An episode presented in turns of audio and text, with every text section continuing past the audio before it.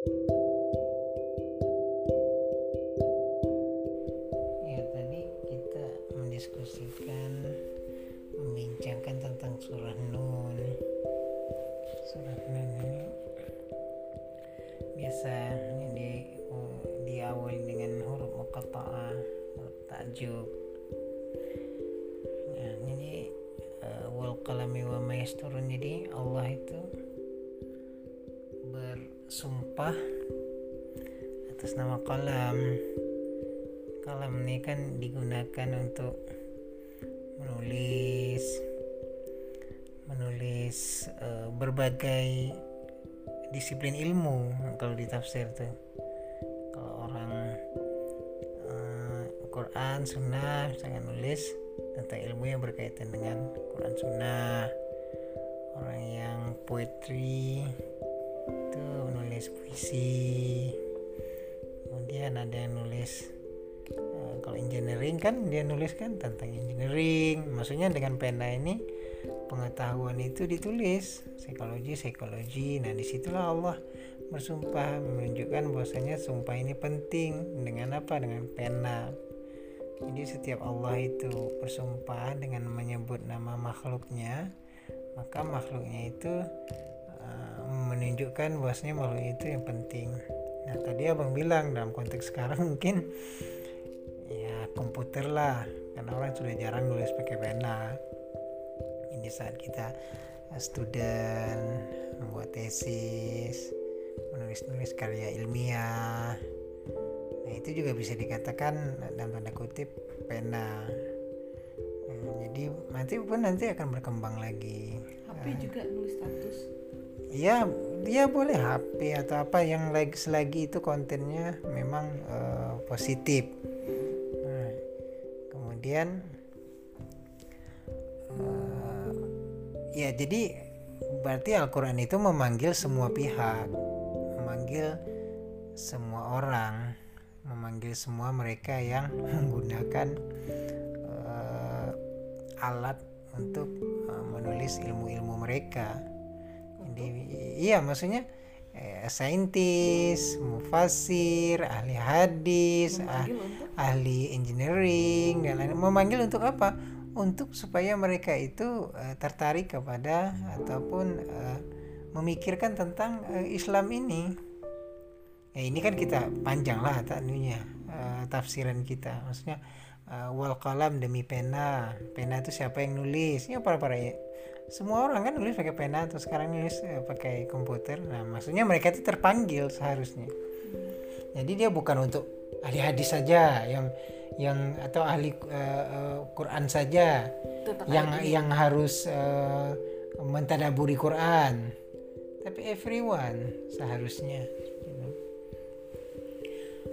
uh, ayat keduanya tentang ma anta bi ni'mati rabbika bimajnun maksudnya ayat ini sebenarnya berbicara kepada uh, Nabi besar Muhammad Sallallahu Alaihi Wasallam ketika orang-orang kafir mengatakan mereka itu uh, Rasulullah adalah orang yang gila majnun. Tapi kata Allah ma anta sesungguhnya engkau itu bukanlah uh, orang yang gila. Uh, sesungguhnya engkau dengan nikmatku ini bukanlah orang yang gila wa innaka la ajran ghaira mamnun.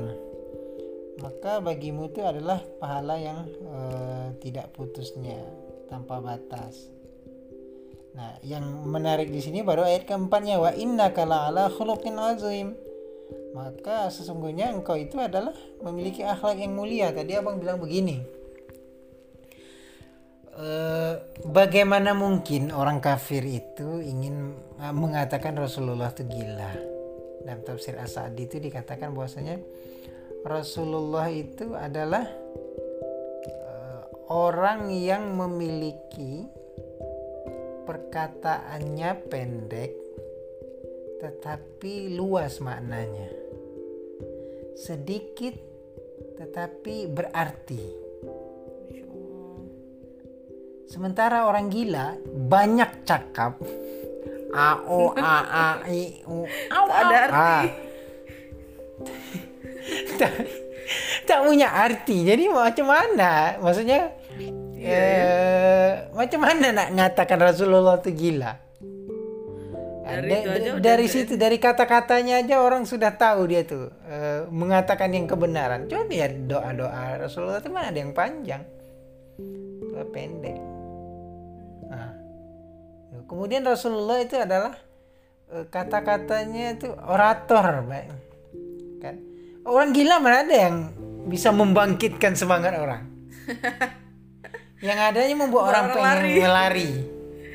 nah tapi ini orang mendekat. Nah, ini tadilah bang mau coba ada tafsir Sadi itu bagus. Ya sudah ditranslate ke bahasa Inggris itu wordnya power betul. Boleh ditangkap mananya. Nah jadi kemudian eh, itu jadi indikasi-indikasi yang menunjukkan Rasulullah itu adalah indikator gila itu tidak ada Jadi maksud abang tuh keren gitu ya Allah tuh ngomongin sini nggak mungkin gila terus Allah tuh mengkontra dengan khulukin azim. Nah, kok dikontraskan? Jadi dikontraskan dengan uh, khuluqin azim yang memiliki akhlak yang Azim akhlak yang agung. azim ya agung yang mulia. Tak mungkin orang gila memiliki uh, uh, akhlak yang agung. Ada juga lah. Nah, dari pakaiannya aja orang gila kan nggak jelas pakaiannya. Rasulullah kan wangi, pakai putih bersih, berseri. Orang gila kan Ya tapi kan Rasulullah maksudnya the whole ya akhlak tuh kan bukan cuma satu part. Jadi akhlak Rasul dengan istri, dengan sahabat, even dengan musuh pun akhlaknya baik gitu kan, nggak boleh menyerang wanita, nggak boleh menyerang dengan tanaman pun baik gitu kan. Nah karena ada juga orang orang gila yang berakhlak bi, contohnya yang kayak deket depan rumah kita dulu, di, dia minta makan, habis dikasih makan dia bilang makasih. Di rumah nenek dulu ada dia emaknya gila, anaknya tak gila. Terus ka- kami kasih baju ke anaknya anaknya suka telanjang kan kasih baju. Terus dia bilang emaknya gila nih ngomong. Ah, ngomong makasih dengan tante ya dia kadang-kadang itu s- refleksi. Tapi mungkin terima kasihnya itu kita nggak tahu masalah niat atau apa. Ya. Tapi yang jelas kadang-kadang memang eh iya memang kadang-kadang orang gila itu dia dia ada word-word yang dia memang eh, hafal. Ya dan maksudnya itu tadi kita tidak bisa menyebutkan seseorang itu berakhlak azim ketika hanya satu part gitu kan memang itu bukan satu pak cuma satu itu Iya satu itu aja gitu. Iya jadi maksudnya kalau Rasulullah ini kan khulukin azim itu memang the whole part Iya, ya, memang part. makanya the way azim of life gitu. the way of life kata orang Azim itu kan agung, wow, keren gitu, amazing gitu lah. awesome